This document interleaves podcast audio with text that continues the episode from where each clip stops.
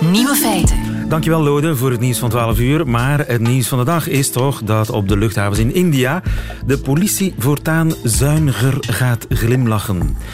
Ze stappen daar af van het brede glimlachbeleid en schakelen over op een voldoende glimlachbeleid. Een ware paradigma-shift.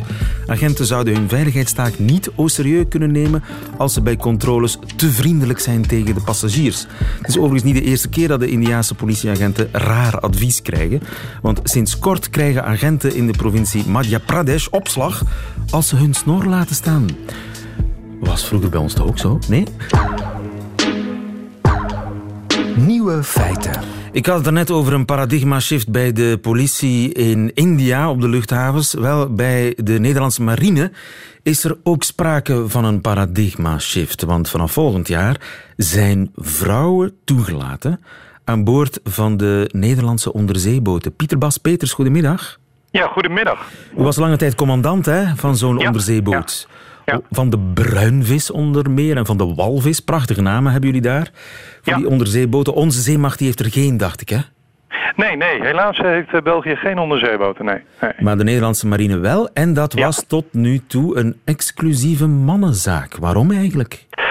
Nou, eh, waar we ons eh, lange tijd aan gehouden hebben, dat zijn accommodatieregels. Eh, je, je kan op een onderzeeboot, nou eenmaal heb je, eh, je kan niet woekeren met de ruimte. Dus je kan geen aparte douche en geen aparte slaapgelegenheid en aparte toiletten voor vrouwen bouwen. Dat past gewoon fysiek niet. Maar dat stond Dan- wel in de regels, dat dat moest. Ja, precies, precies. Dat is toch eh, over het algemeen wel, eh, wel gebruikelijk. We hebben overigens altijd wel gezegd, op de nieuw te bouwen klasse, die ongeveer in 2027 in de vaart komt, gaan we er wel rekening mee houden. Ja.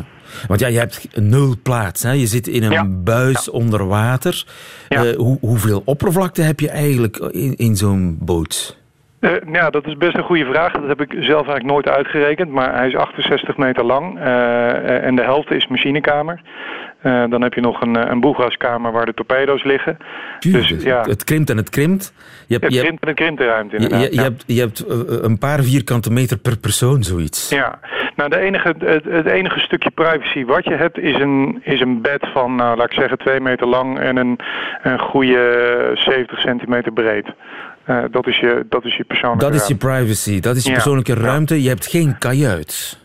Nee, nou als commandant overigens wel, eh, maar dat is dan ook de enige die dat heeft. Ja. Maar de bemanning die slaapt eigenlijk ja, eh, naast elkaar in, in, Ja. bed, in bedjes. ja, boven elkaar letterlijk. Boven ja. elkaar Anders- in bedjes. Ja, vier je- eh, man eh, boven elkaar, ja. Maar je, je hebt wel je eigen bed. Je, het is niet zo dat je je bed moet delen, omdat ja, er moet altijd wel iemand wakker blijven, dat je in shiften werkt. Ja, ja de helft van de bemanning zit op post en de andere helft slaapt of is aan het eten. Net eh, naar gelang het uur van de dag. Maar wij doen niet aan hotbunking, eh, zoals, zoals dat heet. Hè. Dus dat je Hotbunking? een ja, dat je met z'n tweeën een bed hebt. Ja. Dus eh, de ene staat op post, de ander ligt in, eh, in het bedje. En vervolgens wissel je elkaar letterlijk af, eh, zowel in het bed als, eh, als eh, op de werkplek. Ja. En dat bed is dan nog warm, vandaar de naam hotbunking. Ah, maar dat ja, doen we natuurlijk. niet. Dat doen Ja, de vroeger Nederlanders. wel, maar vroeger wel, dat is al afgeschaft. Nu, je, je zit eh, echt in een buis met een paar mensen op elkaar gepropt eh, onder de zeespiegel, eh, in de zee zelf. Eh, ja, ik, ik kan mij voorstellen, als er seksuele spanning zou ontstaan onder de bemanning, ja, dan is dat voor iedereen onmiddellijk duidelijk. Ja, dat, dat, eh, dat zou je kunnen, zo zou je kunnen zeggen, ja. ja maar eh, kijk, eh, uiteindelijk werken we met professionals. En ongetwijfeld zal het een keer voorkomen dat mensen op elkaar vallen. Aan de andere kant is dat nu natuurlijk ook al het geval. Ik heb ook met, met mannen gevaren die op mannen vallen. En de, de, de regel is simpel. Je mag verliefd worden, maar je mag er niks mee doen. Ja. Dan wacht je maar tot we thuis zijn. Maar heeft u het ooit meegemaakt dat u merkte dat er, dat er seksuele spanning aan boord was? Nee, eigenlijk niet. Nee, nee.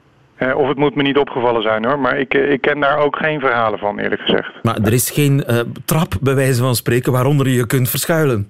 Nee, daarom. Dus, dus ja, er is eigenlijk geen plekje waar niet om de twee minuten iemand voorbij komt. Dus ja, ik, ik verwacht niet dat dat echt een enorm probleem is. En dat was lange tijd, neem ik aan, de reden ook om dan maar geen vrouwen aan boord mee te nemen naar beneden.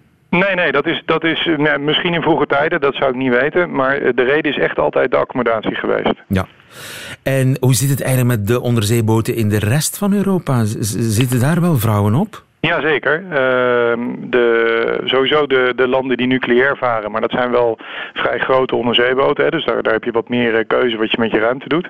Uh, die uh, varen met, met vrouwen, maar ook Zuid-Europa, Noorwegen. Ehm, die hebben wel een iets andere cultuur, hè, de sauna-cultuur. Gaan ook wat minder ja. lang weg. Dat ja, in het noorden zou je dat verwachten, maar ja. dat Nederland later dan Zuid-Europa vrouwen toelaat aan boord van de onderzeeboot, dat is een beetje gênant toch? Uh, nou, gênant weet ik niet of dat het woord is. Uh, laat ik zo zeggen. Uh, we hebben ervan geleerd en, en we gaan dat nu ook doen. Ja, ja. Het grote voordeel is, is dat andere landen natuurlijk ook al voor ons nagedacht hebben. en een aantal zaken gezegd hebben van nou zo moet je het in ieder geval niet doen. Ja. dus hopelijk pakken we ook gelijk de goede manier op. Maar aan de boten zelf verandert er niks? Nee, dus nee, we gaan wel wat extra gordijnen ophangen in, in de slaapverblijven. Dus dat, dat uh, beide geslachten wel iets meer privacy hebben dan nu. Maar meer dan dat wordt het niet. Ja, en het is nog maar een experiment uh, op één boot. zijn, er, zijn er veel kandidaten eigenlijk om mee te varen? Um, het gaat nu om vier, hè? twee officieren, een, en, een, twee, een onderofficier en een ja, corporaal wat overigens ook een onderofficier is. Uh, ik verwachtte dat daarna er wel wat meerdere kandidaten zijn. Sowieso uh, in de officiersrangen uh, zijn er wat meerdere vrouwen die graag willen. bij de manschappen weet ik dat eerlijk gezegd nog niet. Hangt ook een beetje van het succes van de pilot. Benieuwd of het experiment slaagt. Vrouwen aan boord van onderzeeboten in de Nederlandse marine. Dankjewel Pieter Bas Peters. Goedemiddag. Nieuwe feiten. Ja, ook in uh, Nederland praten minder en minder mensen dialect. En daarom erkent minister Ollongren vandaag het Neder-Saxisch. En dat vinden ze daar een goede zaak. Het is wel mooi, ja, daar gewoon, uh, als dat, als dat gewoon kunt doen, want dan horen we echt bij Born. Kijk op moment en uh, kijk op festivals en misschien in de muziekwereld, hoeveel er nog in streektaal muziek gemaakt wordt. Dus ja, het is van alle tien. Nou, heel veel. Als ik bij mijn opa ben, dan praat ik wat plat. Als ik bij mijn opa ben, dan praat ik wel plat. Zoveel heb ik uh, begrepen. En dat er in de muziekwereld nog altijd redelijk veel uh, dialect wordt gesproken in uh, het Neder-Saxische taalgebied. Hans Gerritsen, goedemiddag. Goedemiddag. U bent voorzitter van de SONT, dat is de streektaalorganisatie in het Neder-Saxische taalgebied. Waar ligt dat taalgebied ergens? Uh, in Noordoost-Nederland. Dus denk aan Groningen, Drenthe, Overijssel en Gelderland. Uh, dat is het Neder-Saxisch taalgebied. En spreken de mensen daar nog Neder-Saxisch uh, op straat?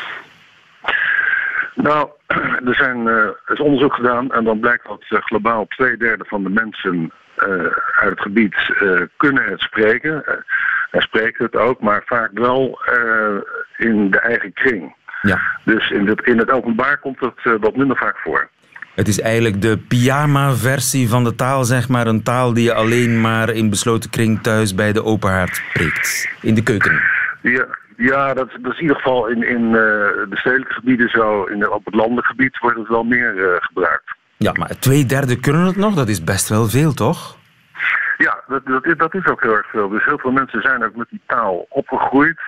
Uh, die kunnen ook daar, laten we zeggen, het beste hun emoties in, in verwoorden en gevoelens. Um, maar hebben natuurlijk ook het Nederlands geleerd. Um, maar in het verleden was het zo dat men zei, ja, dat, dat, uh, dat dialect of dat plat, uh, dat moet je maar gauw afleren. Dat is uh, ja, een verkeerde vorm van Nederlands. Nou, dat, dat, is, dat klopt niet. Het is gewoon een eigen taal. Dus de oude taal van de Hanzen. en ja, het is heel, zeer de moeite waard om die te behouden. Het is de oude taal van de Hanzen. Werd die dan in alle Hanzensteden gesproken? Uh, in veel Hansensteden, in elk geval in uh, Nederland en in Noord-Duitsland, boven de lijn Dortmund-Kassel. En tot aan de Poolse grens. Uh, en ook wel in de, ja, men kon ook wel met die taal terecht in, in andere Hansensteden. Dus ja, daar is de taal toen de, de hoofdtaal geweest. En uh, vandaag spreken ze daar in die gebieden, laten we zeggen, de, de uh, noordwesthoek van Duitsland, de onderkant van Denemarken, spreken ze daar ook Neder-Saxisch? Ja, ja, zeker. Ja, en daar is ook de taal eh, erkend. In Denemarken is een klein eh, stukje, maar eh, ja, de, het, eh, noordelijke deel van Duitsland, eh, dat, eh, daar spreken heel veel mensen eh, ook Neder-Saxisch. En dat is wel leuk, want je hebt allemaal verschillende varianten. Maar je kunt met Nederlandse varianten ook in Duitsland terecht. En eh, dan kun je elkaar goed verstaan. Maar is het dan eigenlijk een Duits dialect? Of een Nederlands dialect? Nee, dat kun je niet zeggen. Het is, het is gewoon een, eh, ja, het is een taal ten eerste. Het is een taal met een eigen grammatica en woordenschat. En eh, die wordt in Duitsland, Nederland en een deel van Denemarken gesproken. Het staat gewoon naast het Nederlands. Ja, kijk, en het is zo dat eh, economisch gezien eh, heeft die taal pech gehad, zeg maar. Want vanuit eh, Holland en vanuit Berlijn zijn de, is die taal overvleugeld door respectievelijk het Nederlands en het, en het Hoogduits. Dus dat zijn die officiële talen. Maar die taal ja, die is ook voort blijven bestaan en die wordt ook nog veel gebruikt. En eh, ja, eh, de Nederlandse regering heeft nu uitgesproken samen met de regionale overheden dat het een volwaardige zelfstandige taal is naast het Nederlands en dat die behouden moet blijven. En welke concrete gevolgen heeft die erkenning? Komt er geld? Kom- Komen er tweetalige radio-uitzendingen? Hoe moet je me dat voorstellen? Nou, dit gaat echt over de, het vaststellen van de status en het uitspreken van een inspanningsverplichting. Hier zit nog niet een programma van eh, geld en dergelijke bij. De regionale overheden doen al heel veel. Maar het is eh, vooral ook een symbolische waarde voor de status. Kijk, het is zo dat in het verleden werd de taal niet overgedragen omdat er eigenlijk op neergekeken wordt. En nu is dat, eh, het is ook al behoorlijk aan het veranderen. En die, die, eh, dat convenant en die erkenning is eigenlijk de, de kroon op het werk. Eh, van ja, het is een taal waar je absoluut niet voor hoeft te schamen. En Ja. tegendeel trots mag Maar zijn. het heeft nog niet dezelfde status als bijvoorbeeld het Fries. Nee, niet, niet precies. Maar eh, daar, daar heeft men voor een andere vorm gekozen. Maar eh, de minister heeft uitgesproken dat het een zelfstandige taal is. Dus dat vinden wij gewoon heel prima. Zij, de Anne de Vries, was dat geen schrijver die in het Neder-Saxisch ook schreef? Ehm, Ik herinner mij het legendarische feuilleton Bartje, enfin, naar, naar de boeken van Anne de, Anne de Vries.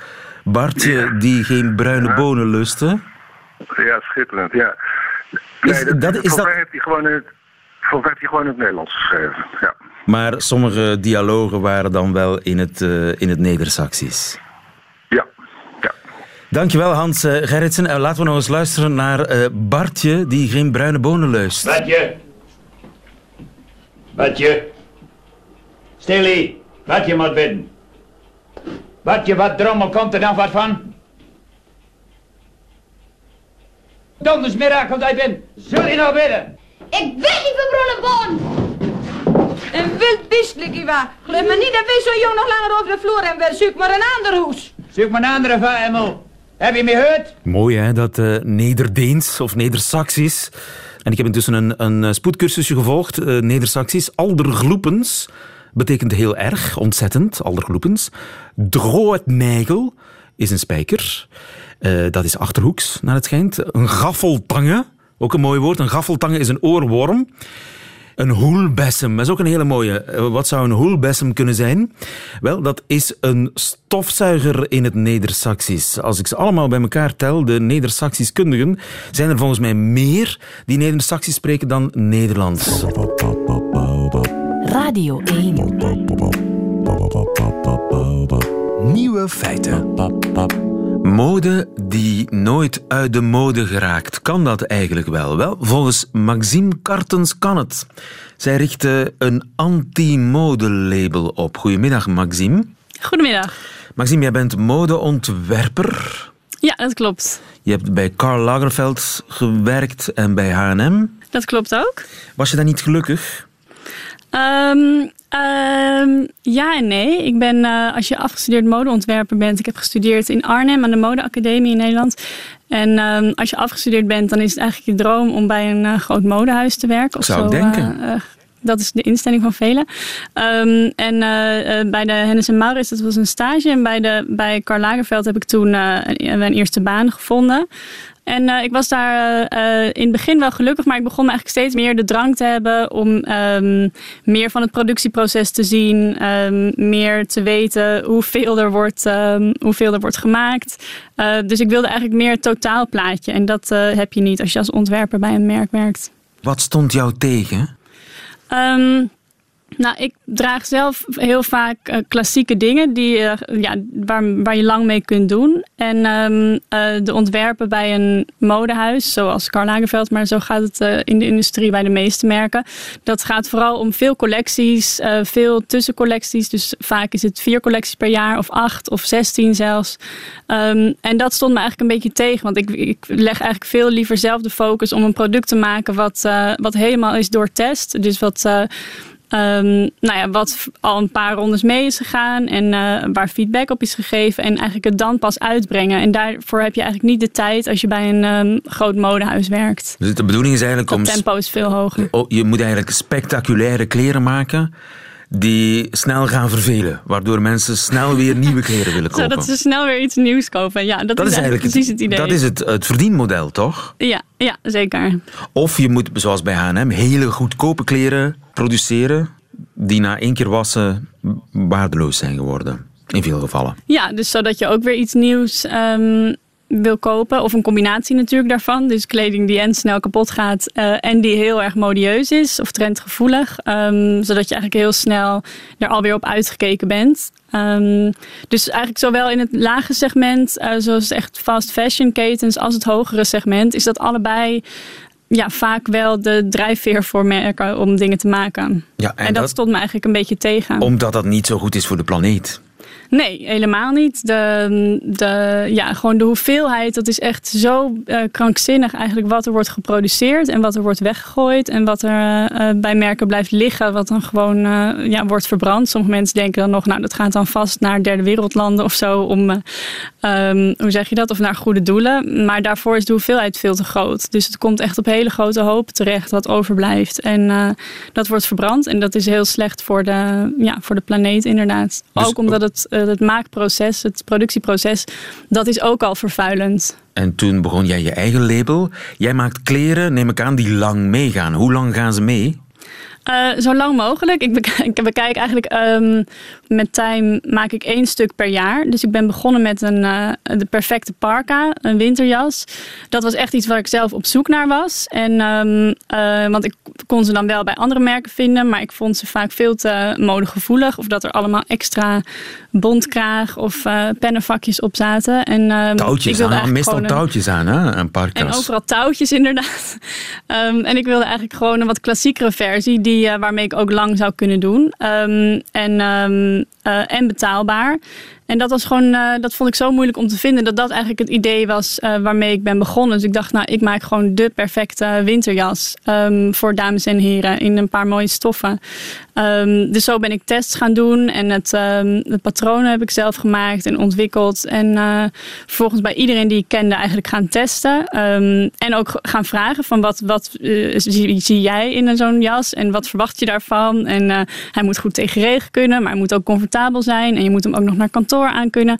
Dus zo eigenlijk meer um, aangepakt als een productontwerp in plaats van een modeontwerp. Dus met een, ja. Maar ja, ziet dat er dan niet wat DDR-achtig uit?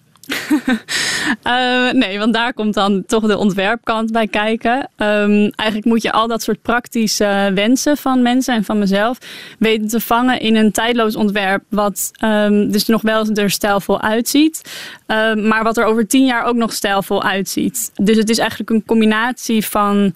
Het lijkt me uh, heel moeilijk, met... omdat je, je moet eigenlijk de kleren voor altijd voor iedereen maken. Dus dan kom je ja, toch nou, bij een zijn... soort grootste gemene delertrui uit. Of eh, een broek voor altijd. Dat lijkt me ja, zo simpel mogelijk dan.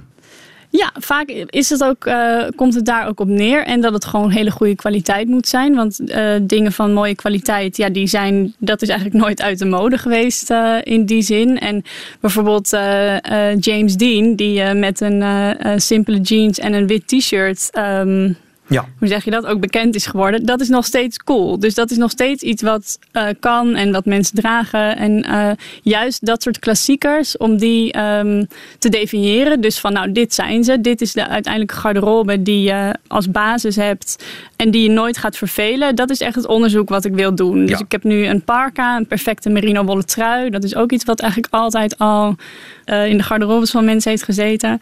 Een leren tas. Ik heb net een joggingpak uitgebracht. En zo moet er nog een blouse bij komen. Verschillende andere items. Maar En- echt en je wel neemt je tijd die daarvoor. goed zijn. Ja, ja. En ehm, eh, dat kan ook eigenlijk niet anders. Als ik het allemaal in één keer zou maken, dat zou eigenlijk afdoen aan de ontwikkeling van de producten. Ehm, dus, Dus, ik je neem vaak een, een echt soort een van jaar de 20 tijd jaren om, plan ehm, of zo. Ja, precies. Misschien als het bedrijf wat groter wordt, dat, het, eh, eh, dat ik me meer op het, eh, alleen nog op het ontwerp kan storten. Maar ik heb helemaal geen haast. Dat is een beetje, dat onderscheidt Time ook wel van. Time, zo heet jouw merken. label. Hè? Waar, waar, waar staat dat Ja. voor? T-E-Y-M. Ja, Time. Ehm, dat is gewoon een eh, mooie korte naam. Ik wilde niet Oh ja. iets met mijn eigen naam doen. Alright. Ehm, dus dus, dus, die, eh, die stukken gaan 20 jaar mee en je gaat er 20 jaar aan werken. Commerciële zelfmoord, denk ik. Nou, dat is ook eh, heel veel mensen hebben het me totaal afgeraden om eigenlijk op deze manier eh, te werk te gaan. Toen ik begon van eh, maak dan niet één parka, maar maak er vijf. Of als je dan wilt focussen ergens op, probeer dan in elk geval nog wel een, echt een collectie ervan te maken. Ehm, maar eigenlijk de feedback die ik krijg is juist van mensen die ja, net als ik eigenlijk juist minder willen consumeren en meer willen eh, investeren in items waar ze echt blij mee zijn en waar ze lang mee kunnen doen. Dus jouw, Ehm, jouw kleren zijn gewoon heel duur. Eh, nee, dat is best wel een valkuil ook voor, want je hebt best wel wat meer duurzame merken of eh, eh, merken die meer passen bij de, een duurzame tijdsgeest. Ehm, en daarom heb ik ervoor gekozen om alleen direct zelf te verkopen, dus via een eigen website. ehm, online en eh, via bijvoorbeeld pop-up winkels.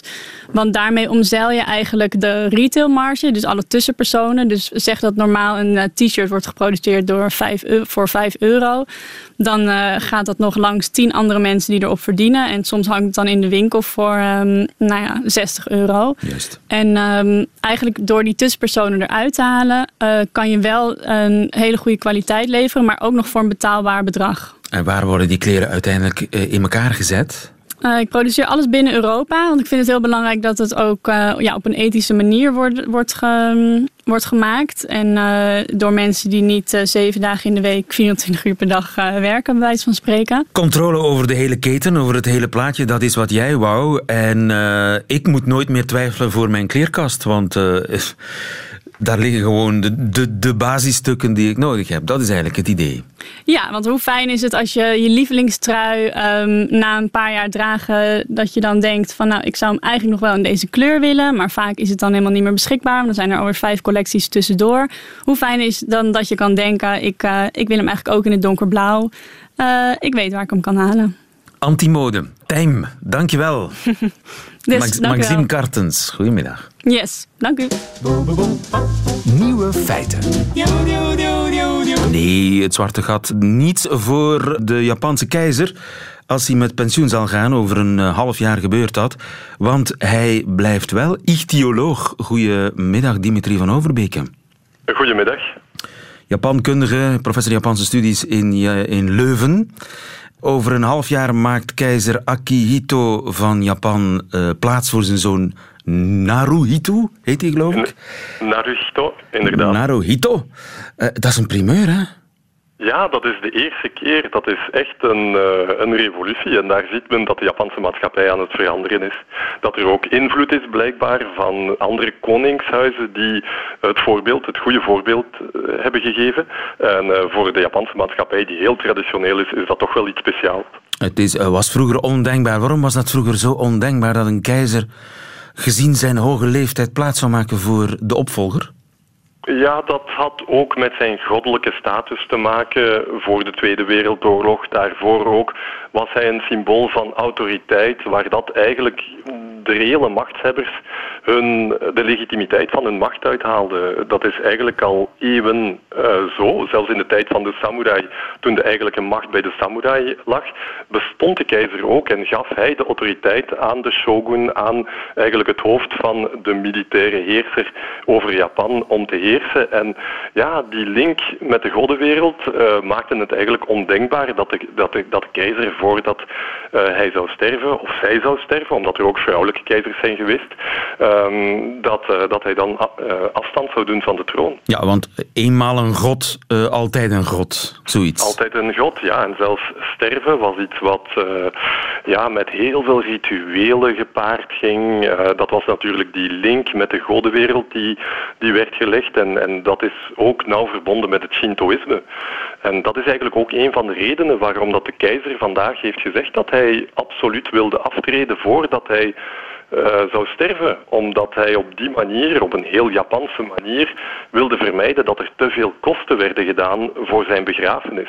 Dus zijn manier van denken was in een periode van crisis, waar dat het economisch minder goed gaat voor Japan, uh, is het beter dat ik mij terugtrek, zodat de hoge kosten voor mijn begrafenis niet Kost dat zoveel een begrafenis van een keizer? De begrafenis van een keizer, dat is ongelooflijk hoeveel dat, dat uh, zou kosten. Ik kan daar geen juist bedrag op plakken, maar alle Shintoïstische rituelen, uh, alle, ja, dat wordt echt met pracht en praal gedaan.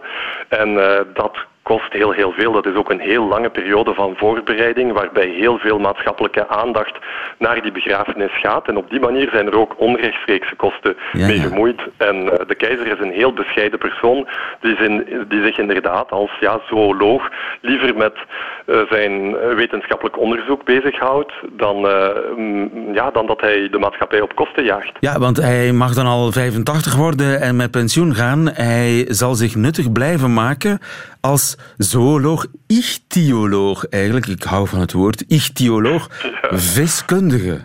Ja, inderdaad. Ja. Hij heeft een, een passie voor, als ik het goed voor heb, uh, voor de taxonomie van, uh, van die diertjes, van, uh, van een, een, heel specifiek soort vis. Hij heeft daar ook veel publicaties over, echt wetenschappelijke publicaties. Het is echt een serieuze wetenschapper. Het is een serieuze wetenschap. Ja. Ik, kan er, ik kan mij over de wetenschap zelf niet, uh, niet uitspreken. Maar hij doet dat op een heel serieuze manier. Hij gaat ook naar wetenschappelijke conferenties. Hij, niet alleen hij, maar ook zijn zoon houdt zich ook met wetenschap bezig. En dat is blijkbaar iets wat in de familie uh, heel sterk aanwezig is. Die wens om, om ja, wetenschappelijk bij te dragen. Uh, aan bepaalde vakgebieden. En uh, dat heeft meestal met biologie te maken. En ja, ze, ze wonen eigenlijk op een, op, een, op, een, op een perfecte plaats om die wetenschap empirisch uh, te ah, ja. Om, ja. Hij kan, hij kan in zijn eentje ja. wetenschappelijk werk doen in het paleis. Ja, inderdaad. Het, het keizerlijk paleis in Tokio is een, is een uh, grondgebied van, van meer dan één vierkante kilometer. Dus in het centrum van Tokio kan dat al wel tellen. Men, men heeft ook eens berekend dat de waarde van, van, van de grond waar dat het keizerlijk paleis staat, dat dat in de tijd dat het economisch heel goed ging met Japan op het einde van de jaren 80, evenveel was of evenveel waard was dan al het vastgoed in Californië samen. Een dus, vierkante uh, kilometer natuurlijk. Ja, in Tokio voor jou alleen. Tokyo, en inderdaad. daar heeft de keizer ook tijdens zijn uh, uh, keizerschap in zijn vrije tijd aan wetenschappelijk onderzoek gedaan. Wat heeft hij zo allemaal ontdekt in zijn ja. keizerlijke tuin? Ja, wel, hij heeft daar heel veel dieren ontdekt. En, en blijkbaar is er, uh, zijn er een tiental heel speciale dieren die daar leven. En uh, ja, dat zijn wasbeerhonden. Uh, dat zijn wasbeerhonden die daar leven. En, en hij gaat heel dikwijls op zoek, natuurlijk niet naar die wasbeerhonden, omdat dat nachtdieren zijn. die zal hij heel moeilijk kunnen, kunnen vinden of kunnen zien. Maar hij gaat wel de uitwerpselen van die dieren bestuderen. Dus hij gaat die verzamelen, hij gaat die bestuderen. Hij gaat daar analyses van maken. En als doorwinterde bioloog gaat hij, gaat hij daarover rapporteren. Ja, dus, met keizerlijke handschoentjes aan, mag ik hopen. Met, ik hoop het voor, voor hem, ongetwijfeld. En waarschijnlijk met wat hulp van, uh, van zijn medewerkers. Maar ja, dat, dat betekent toch dat hij op het keizerlijk paleis ook aan zijn hobby, maar het is iets meer dan een hobby. Het is echt serieus wetenschappelijk onderzoek en dat hij zich daarmee kan bezighouden. Ja, gepubliceerd in uh, serieuze wetenschappelijke tijdschriften en ook na zijn uh, pensioen zal hij daarmee doorgaan. Het is een bescheiden man, we zeiden het al. De keizer gaat met pensioen en ook zijn zoon zet de wetenschappelijke traditie verder. In april gaat het gebeuren. Naruhito volgt dan Akihito op in Japan. Dimitri van Overbeke, dankjewel. Goedemiddag. Heel graag gedaan. Waarmee we aan het middagjournaal zijn toegekomen. Het middagjournaal deze week bijgehouden door Johan Terrein. Wat zijn zijn nieuwe feiten? Nieuwe feiten. Middagjournaal. Beste luisteraar, doe mij een plezier en sluit even je ogen. Behalve als je in de wagen zit, doe me dan een plezier en let een beetje op de weg. Hoe dan ook. Probeer je de geur van opgewarmd chloor voor te stellen. Ruik het. Plaats er nu qua beeld een stelletje plastic palmbomen bij. Hoor de gillende opwinding die meedijnt op kunstmatige golven. Je bevindt je nu in een tropisch zwemparadijs. Er kunnen nu twee dingen gebeuren. Ofwel voel je de onweerstaanbare drang om door zo'n glijbaankoker te schuiven, ofwel loopt er een korte, koude rilling over je rug die de vraag oproept of ze zo'n plek niet beter een tropische zwemhel zouden noemen. Dat laatste heb ik namelijk. Dat heeft veel te maken met die keer dat ik me met mijn twee jongens in zo'n zwemparadijs bevond. Het overviel me plots. Ik stond midden in het zwembad, waar iedereen ongeveer een halve armlengte aan ruimte voor zich had en het gekrijs nooit meer leek te zullen ophouden. Om niet te zeggen, het was er uberdruk. Eén onverwachte golfslag en drie jonge moeders zouden me aanklagen voor ongewenste intimiteiten. Er dreef iets onbestemd op het water voorbij, iets wat er duidelijk niet thuis hoorde en wat de kloor nog niet had kunnen neutraliseren. Ik keek naar mijn kinderen die lachten. En toen zag ik het. Hun glimlach werd een grimas en ze bevonden zich middenin een tafereel van Hieronymus Bos, de tuin der lusten, maar dan helemaal in het water. Nu wil ik graag naar schilderijen van Bos kijken, maar ik hoef er niet per se middenin te staan om nog te zwijgen van het geluid en de geur erbij. Dat beeld kwam terug op mijn netvlies toen ik onlangs op de televisie zag dat waterpretpark Oceade na 30 jaar haar deuren sloot. De inboedel werd grotendeels verkocht aan Roemenen, die de sauna's, jacuzzis, de waterglijbanen, het golfslagbad en de knuffelmuren netjes weer zullen heropbouwen in eigen land. Arme Roemenen. Ze dachten een zwemparadijs te kopen, maar eigenlijk hebben ze een Jeroen Bos zelfbouwpakket gekocht. De krijzende hel waar eeuwige teenschimmel heerst.